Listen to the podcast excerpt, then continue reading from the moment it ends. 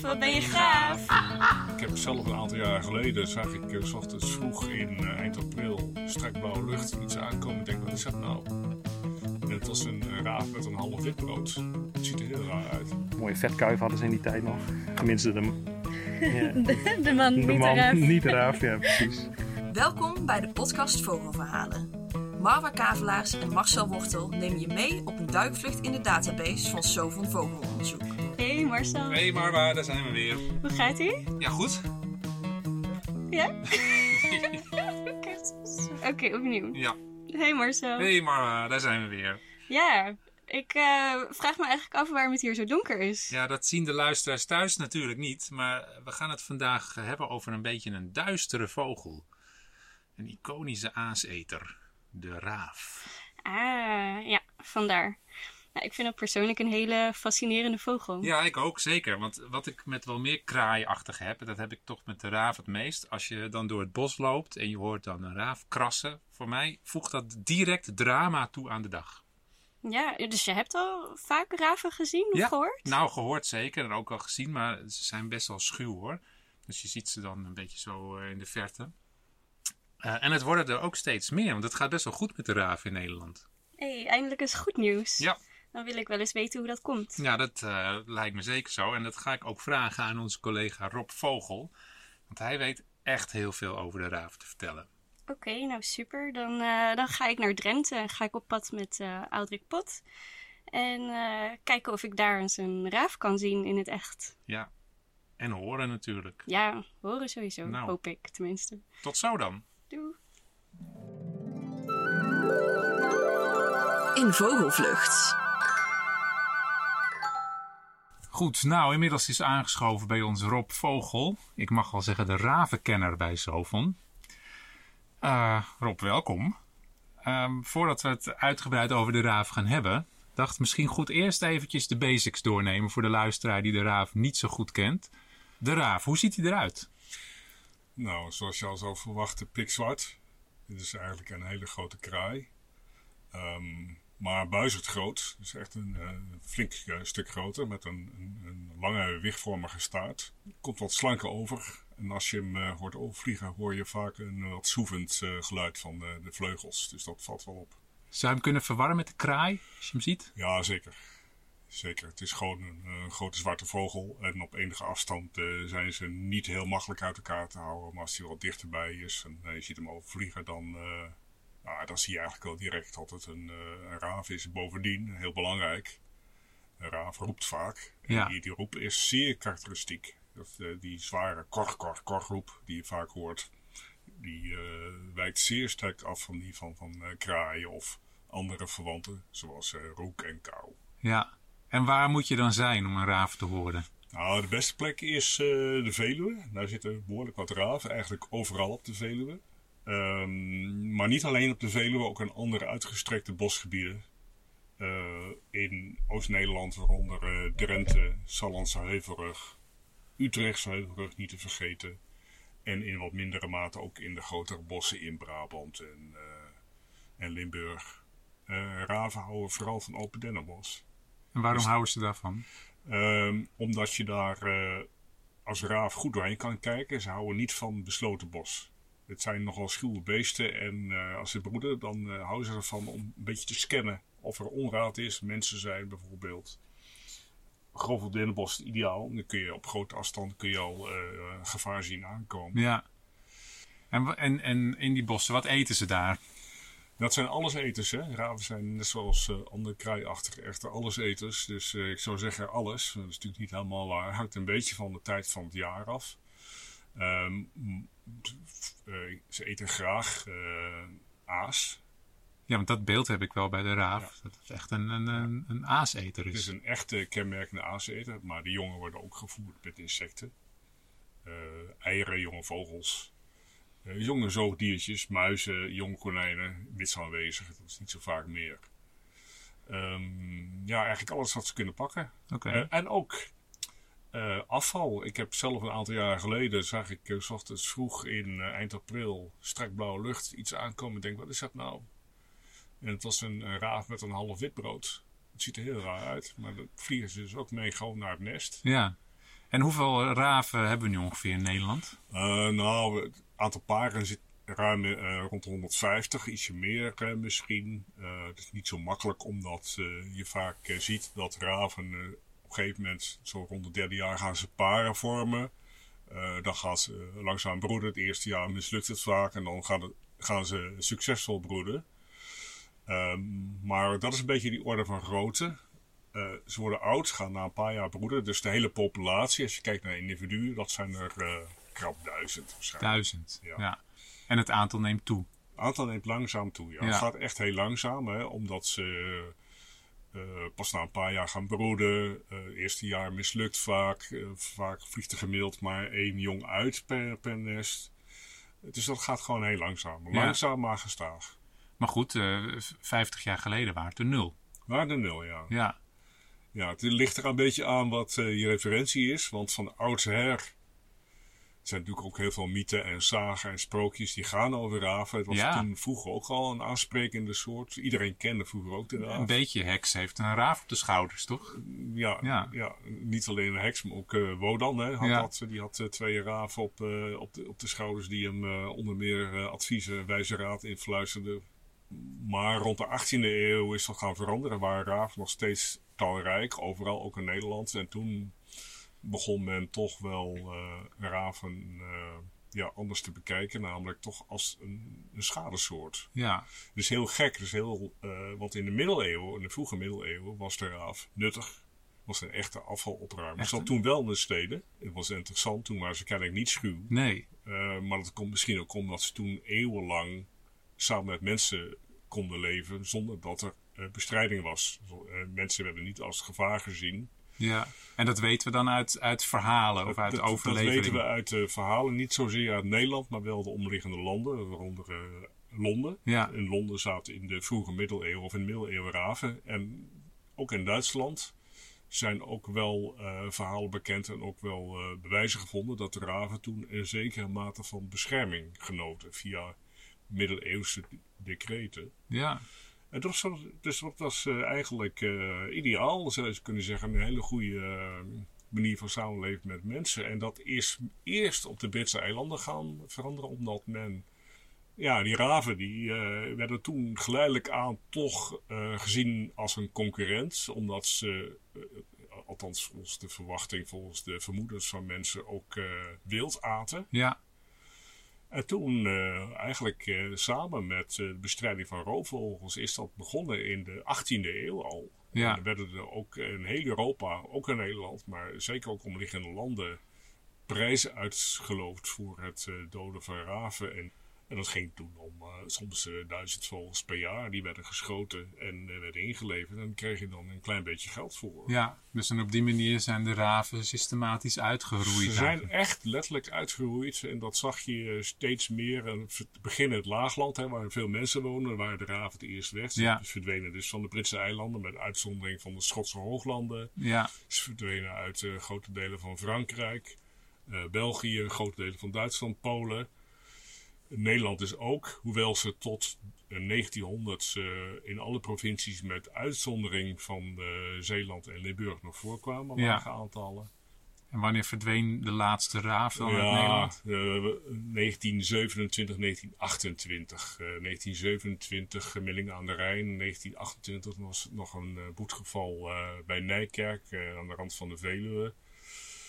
En dat was eigenlijk, eh, dat waren de laatste raven. Eh, nou is er in 1944 is er nog een paardje opgedoken in eh, Limburg. Een beetje raar. want in Limburg waren ze toen lang weg. Zelfs Ja. voor de eeuwwisseling waren ze al weg. En ook in de omliggende gebieden in de Eifel en de Ardennen waren ze ook al weg. Dus die kwamen van, langer, van verder. Nou, de- het vermoeden is, maar dat is eh, echt een vermoeden, dat ze als kooivogel zijn werden gehouden. Raaf was, omdat het een intelligente vogel is, Ja. eh, dat vond men vroeger al, werden, eh, waren heel populair als kooivogel. Dus ze werden ook tot in de 20e eeuw, ook in Nederland, nog gevangen uit het nest. Uitgehorst heet dat in het jargon. Ja. Om in de kooi te plaatsen, gewoon als huisdier. Het zou best kunnen zijn dat in de oorlog ergens door omstandigheden raven zijn eh, losgelaten. Die dus eh, in de buurt van Vaals zijn gaan broeden. En op een gegeven moment ook weer verdwenen. Het interessante is overigens dat daarvoor al in 1936 werd gezegd van ja, het is toch zonde dat, door een aantal onderzoekers dat die, eh, dat die raven weg zijn. Toen is gepoogd om raven uit Litouwen in Nederland op de Veluwe, Zuidoost-Veluwe, uit te wennen, zoals dat heet, dus los te laten. En dat was in 1936 al. 1936. Dus dat was eigenlijk al een soort eerste Ja, poging om de raaf weer Ja. terug te brengen in Nederland. ja. Dus toen, toen was ook wel het sentiment al aan het omslaan. Nou, bij de hele kleine groep mensen. Het is wel zo dat eh, zelfs in de politiek in de jaren twintig en daarvoor, rond die tijd, werden eh, raven, net zoals andere kraaiachtige roofvogels en reigers, nog als schadelijk wild beschouwd. Ja, ik heb hier een boek liggen? Gewilde Dieren heet het. Daar heb jij aan meegeschreven, het hoofdstuk over de raaf. Dus er is toch iets gebeurd dat de raaf van schadelijk wild tot gewild dier eh, is gepromoveerd. Ja, er zijn twee dingen denk ik van belang. De eerste is dat na de Tweede Wereldoorlog raven zich een klein beetje begonnen te herstellen. In ieder geval tijdelijk. Ja, En tegelijkertijd waren er een aantal onderzoekers, waaronder Arend Timmerman. En hij had toen dat kon in die tijd, dacht van ja, waarom zouden wij in Nederland niet proberen om die raaf terug te krijgen? ja, Er was, was toen heel weinig ervaring mee, maar het was wel in de jaren zestig wel iets waar men mee begon. Er werden veel contacten gelegd met, eh, met Duitse en Zwitserse onderzoekers. Eh veel Duitse onderzoekers. Van ja, wat, wat is nou verstandig? Was het idee van je vangt gewoon een jongen en je gooit ze in Nederland, gooit ze naar buiten. En dan als je Ja. dat maar gen- vaak genoeg doet, dan eh, hebben we straks wel weer een bloeiende populatie. Maar die Duitse onderzoekers zeiden nee, dat, dat werkt zo niet. Dat moet je niet doen. Die zeiden je kunt beter gaan werken met kooien. Waarin je jonge vogels samen met de ouders laat opgroeien. En dan moet je eigenlijk een soort technische voorziening hebben. Waardoor je die raven, die jonge raven, de mogelijkheid biedt om eh, als ze kunnen vliegen naar buiten te gaan. Maar wel weer terugkomen naar de ouders om daar gevoerd te worden. en dat, hebben ze, dat, dat is uiteindelijk ook gebeurd. Dat is ook gebeurd. Er zijn een aantal hele grote kooien geplaatst. Waaronder eh, op de Veluwe. Maar ook bij Austerlitz op de Utrechtse Heuvelrug. En Ja. ook eh, in Drenthe op drie plekken eigenlijk. Op hele rustige plekken.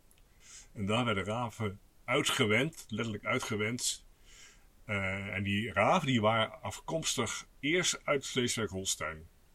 Ehm, en nou, daardoor kreeg je toch eh, redelijk wat, eh, wat beesten in die kooien. En die zijn eind jaren 60, begin jaren 70, zijn die in de omgeving gaan, gaan rondzwerven. Ja, en die hebben zich in, ro- rond die tijd succesvol weten te vestigen. Nou, aanvankelijk niet, wild. want er gingen er heel veel dood. Ja, en het gekke is dat, omdat die raven kooien in wat te besloten bos stonden, ja, te besloten eh, eigenlijk voor, voor raven, konden die jongen die kooien niet terugvinden. die verdwaalden. die verdwaalden en verhongerden.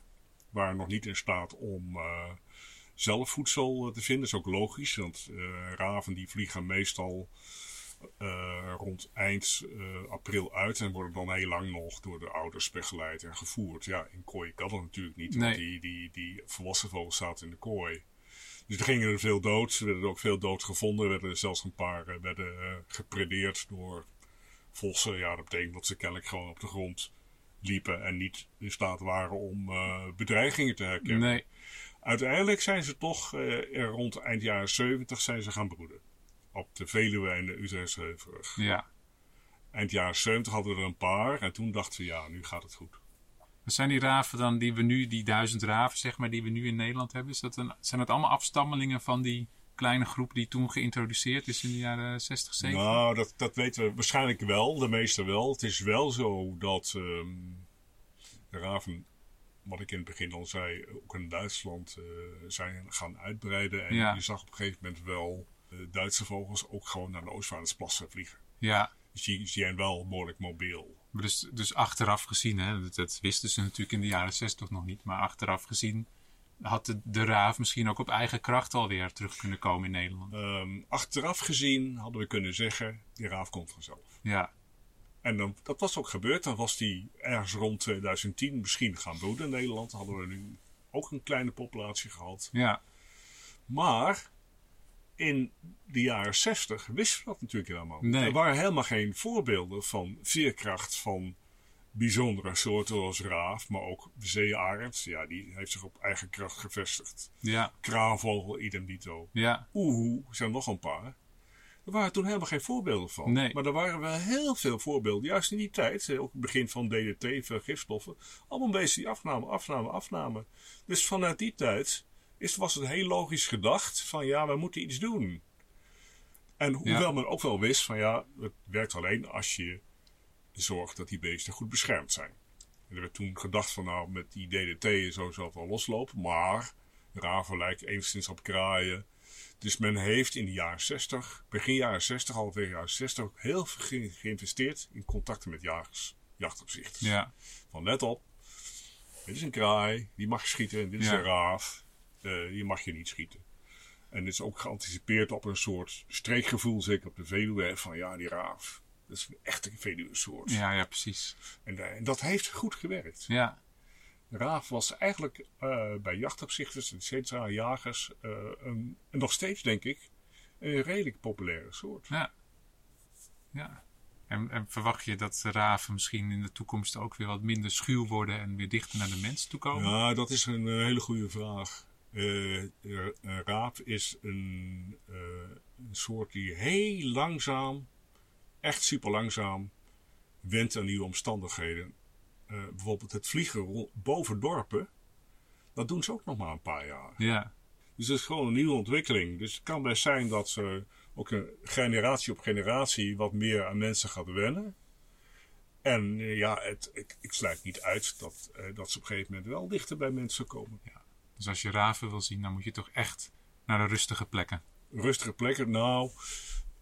Je kunt ook in de winter. ehm, heb je een aantal grote slaapplaatsen. Er kunnen meer dan 100 raven bij elkaar slapen. Op plekken waar dode beesten liggen. Oh ja, In combinatie met zeearenden en wolven. Ja, dat is natuurlijk het, eigenlijk het, het, het, prehistorische beeld dat weer terug is. Dat- Ja. Dat wil je natuurlijk. ja, gewoon in Nederland. Ja, gewoon in Nederland. Dat kan dus gewoon. En dus dan kun je ook op de Veluwe kun je echt flinke groep eh, raven zien. En horen. Of eerst horen en dan zien. En dan zien nou, Zo, ik ben ondertussen in het noordoosten van het land aangekomen. Hier broeden ongeveer 25 paar eh, raven. En Aldrik Pot volgt deze vogels al enkele jaren op. Vandaag mag ik een dagje met hem meelopen en ik hoop dat ik nu toch eindelijk eens een glimp van deze mysterieuze vogel kan opvangen.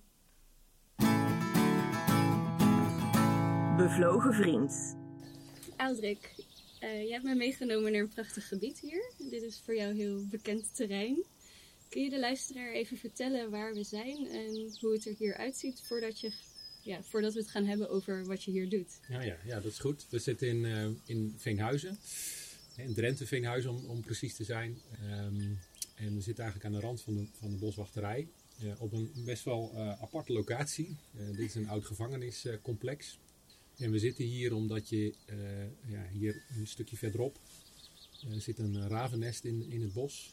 En eh, dit is eigenlijk de enige plek waar ik me een beetje kan verstoppen, zodat ik kan zien van een afstandje of er nog wat gebeurt. Nou ja, dus daarom zitten we op deze gekke plek. Ja, het is, het is een bijzondere plek. Ik had Ja. niet verwacht dat, dat ik hier vandaag terecht Nee, dat je terecht zou komen. komen. Nee, nee. Oh, die vlak achter, je hoort ze. Oh, Komt die, komt die. die? Ja, dan komt eraan.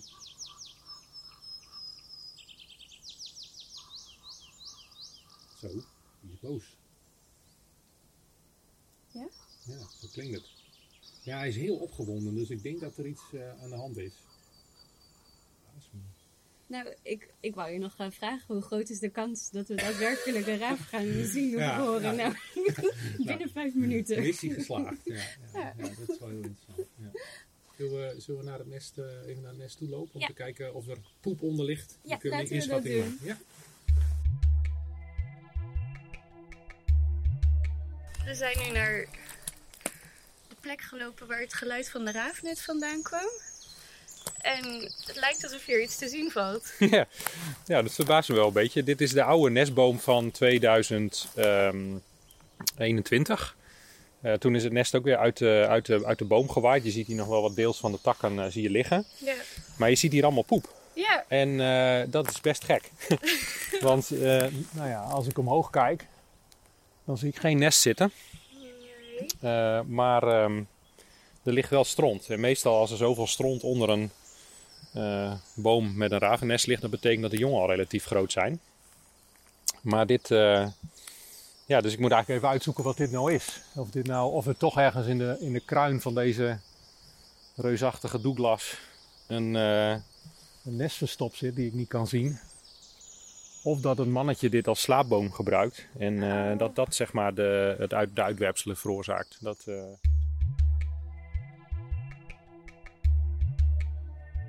Nou, we lopen nu van de oude nestplek waar we net de raafwoorden en de kop vonden naar de nieuwe nestplek. Ik dacht even van, ik kijk niet goed, maar Oké, dus we hebben hem gevonden. ja, ik heb hem gevonden. Maar er vliegt nog niks op. Er vliegt niks op. Dat is niet echt een goed teken. Dat is niet een goed teken. Nee, kijk, daar zit het. Zie je? Oh ja, ja. Een topje van die grove den. Maar goed, ja. We horen niks. En hier, ligt, hier ligt ook allemaal goed, maar dat Ja. is van iets anders. Dat is van iets anders. Ja, dat zou wel van raaf kunnen zijn, maar in ieder geval niet van uh, onder de netboom. Nee. Ja, dit is wel raar. Helemaal schoon. Ja, hier ligt helemaal niks. We zijn nu precies onder het nest. Nou, je ziet het nest inderdaad zitten. Ja. Klop even op de boom. Nee, geen reactie. Geen reactie. Ja, dat het zo schoon is, dat is geen goed teken. Nee, want bij die andere twee bomen waar we net waren, Ja. lag een stuk meer. Ja, maar ja, er zit geen nest in, dus dat moet wel een slaapboom zijn. Dus dan is de kans groot dat, eh, Ja, dat het nest mislukt is. Dat het mislukt is, ja. Dus dat het of gepredeerd is door eh, bijvoorbeeld boommarter, hè, wat zou kunnen. Ja. Oké, nou laten we dan nog even in een, bij een andere plek gaan kijken. En, eh, Goh, ja, nou had ik niet verwacht, moet ik eerlijk zeggen. Nee. maar is het normaal dat, eh, dat de, de ouders blijven hangen als Ja. het nest mislukt is? Ja, nou ze, ze proberen, hè, ze hebben nog wel eens een vervolglegsel. Eh, tenminste, dat heb ik vorig jaar ook voor het eerst eh, gezien. Eh, maar ze blijven in ieder geval wel in hun territorium hangen. Nou ja, dat zag je ook wel. Die raven zijn eh, eh, behoorlijk actief hier. Ja. Eh, nou ja, zeg maar een paar honderd meter van ons vandaan. En ja, of ze proberen nu nog snel met een ander nest ergens anders. Hè. Ze kunnen in vier, vijf dagen een nieuw nest bouwen. Ah, oké, zo Dus ja, dit lijkt echt helemaal. Je ziet ook helemaal in het nest, als je met je kijken kijkt, zie je helemaal geen, geen poep op de takken zitten en eh, Nee, dat soort dingen. Ontzettend schoon. Ja. Jammer. Jammer. Nou ja, wel weer een mooi res- nest voor een ranzuil of zo straks. Ooit. Wanneer was de laatste keer dat je hier was? Nou, dat is al wel weer eh 14 dagen geleden. Ehm, ik probeer ze eigenlijk er zo weinig mogelijk te komen. Dus hè, op het moment dat ze met nestbouw bezig zijn, eh, als ik eenmaal weet van welke boom, nou, dan ga ik daar ook verder niet eh, bij staan potten kijken. En dan op een gegeven moment controleer ik nog één keer of het vrouwtje op het echt op het nest zit. En dan laat ik ze gewoon echt net zo lang met rust totdat er eh, qua berekening jongen zouden moeten zijn. En dan ga ik zo controleren wat we nu doen. Van, ligt er poep onder? Ja. Dus ja, nou, er moet ergens in de afgelopen 14 dagen moet er dus iets, iets gebeurd zijn. Hè, dus misschien ook wel net voordat, ze, voordat de jongen zijn uitgekomen. Ah, in de eifase nog. Misschien nog wel in de late eifase, ja. ja. Ja. Nou, dan gaan we naar het volgende nest.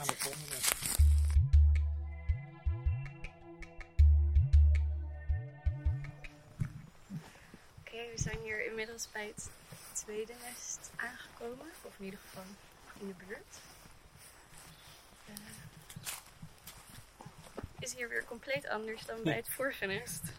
Ja, dit is ook apart. Dit is, eh, inderdaad, eh, dit nest heb ik niet gevonden omdat ik heel lang niet kunnen vinden. Omdat ik dacht, nou hier gaat echt geen raaf zitten. Hè, we, we zitten 50 meter van een relatief drukke doorgaande provinciale weg af.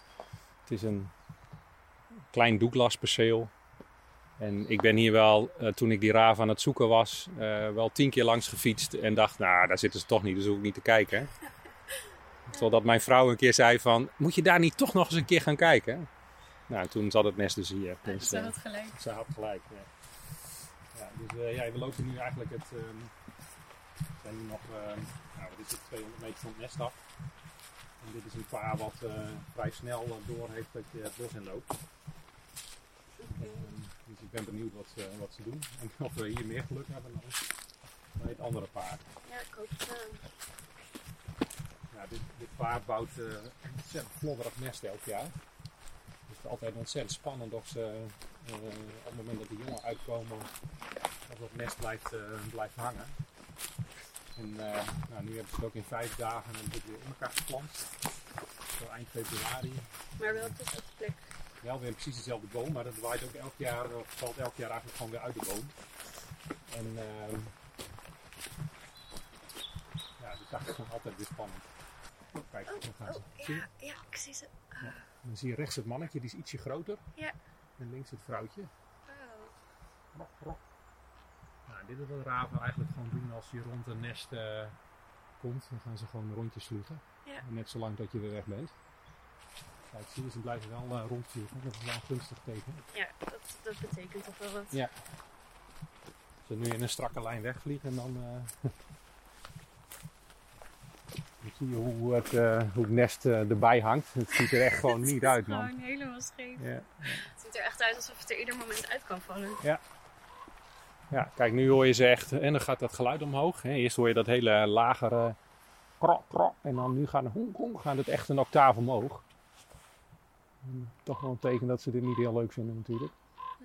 Hier heb je het nest van vorig jaar liggen, Ja, jeetje. zie je? Het ligt er gewoon helemaal af. Het ligt helemaal af. Dan kan je zien dat er allemaal mos in zit. Ja. En wat ik ook grappig vind, dit, eh, dit soort dingen. Dus eh, al die eh, a- artificiële, hoe heet dat? Eh, onnatuurlijke dingen zoals touw en wol en, en dat soort dingen. Jeetje, wat een nest zeg. Is Plastic. Ja. goed. Ja, het is heel groot eigenlijk. Wauw. Ja, dit is eigenlijk de binnenkant. Moet je zien hoeveel rotzooi. Hier is een dikke plastic. Oh, ik had niet verwacht dat er ook nog plastic in zou Ja, zitten. Ja. De ellende met raven is nog wel ellende, maar die jongen, op het moment dat ze dit horen, gaan ze zich ook drukken in het nest. Dus dan zie je ze, zie je ze niet. Ik zie wel dat ze het nest weer helemaal versierd hebben met allerlei eh, pluisjes en touwtjes. Maar kan vanaf hier eigenlijk niks, niks zien. je ziet ook hoe hoog die zit. Hè. Hij zit op, eh, nou, die doeklas is misschien wel 5, 26 meter hoog. En eh, zit, dat nest zit op eh ja, 2, 23 meter. Ik kan helaas eh, kan het niet zien.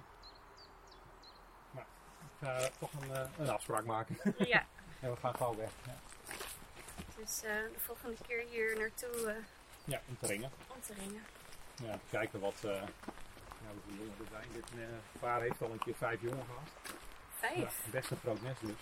Ja. En het grappige is, ik heb hier wel eens gestaan en dan als er andere mensen langslopen, dan, eh, dan doen ze helemaal niks.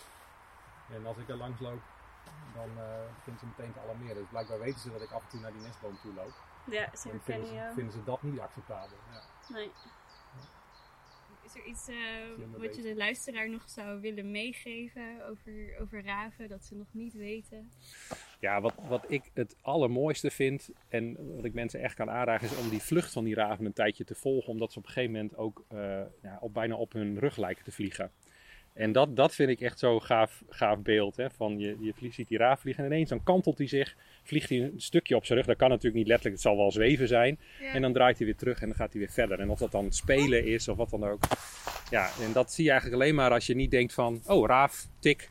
Maar gewoon die beesten een tijdje volgt en met Ja. je kijker eh, bestudeert. Blijven observeren. Blijven observeren, ja, ja.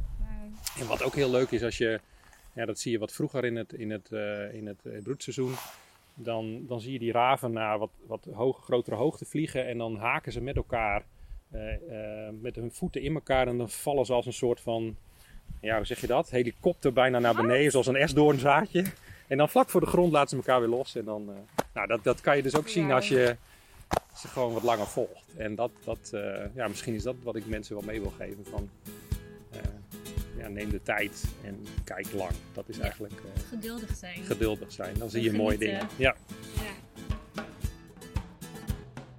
En hoe vond je het om oog in oog te staan met de raaf? Ja, ik was echt helemaal verbaasd eigenlijk, omdat het eh, vorige keren nou, niet heel soepel ging eh, met het zoeken van de vogels. Het duurde iedere keer eventjes en nu binnen vijf minuten hoorde ik die raaf. Ja, En het was heel indrukwekkend hoe agressief en boos die klonk, terwijl die nog zo ver weg was. Ik snap wel waarom die mensen vroeger een beetje bang waren voor die raven. Ja, zeker. Het is echt wel een heftig beest hoor. En ik kan me ook wel iets bij voorstellen dat mensen niet alleen bang waren, maar dat ze ook wel vonden dat de raaf schadelijk was. Ja, ja. maar gelukkig zijn we daar nu voorbij. En eh, is de raaf weer helemaal welkom. Ja. En met succes dus weer geherintroduceerd, zoals Rob ons heeft verteld. Ja, ik heb daar nog wel een mooi verhaal over. Oh ja, vertel. Nou, toen ik op pad was met Audrik, toen liet hij me een oud dagboekje zien uit de jaren 60. En dat was van Jan Veenstra geweest. Die was toen als boswachter betrokken bij, eh, ja, bij die herintroductie van de raaf. En die heeft alles heel nauwkeurig bijgehouden. En ja, als ravenliefhebber heeft Audrik eh, ja, die documentatie ontvangen van eh, Jan Veenstra's familie. En die kon daar iets heel leuks over vertellen.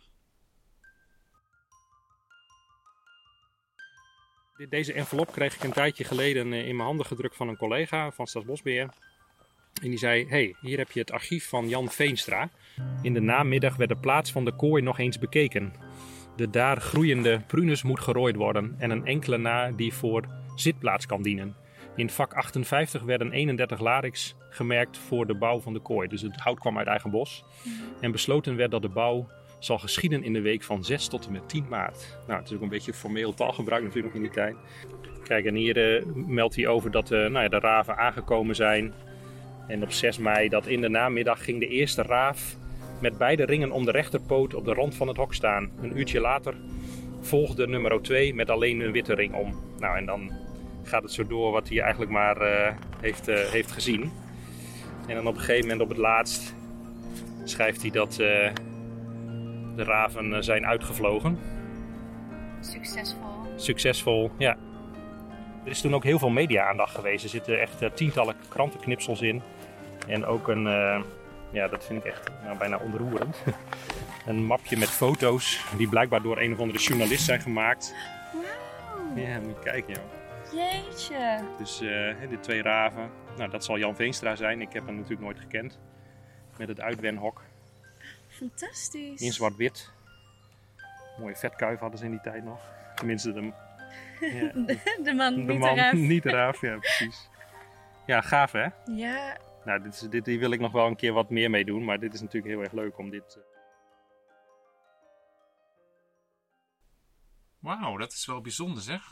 Ik hoop inderdaad dat Aaldek daar nog eens wat mee gaat doen. ja, dat hoop ik ook.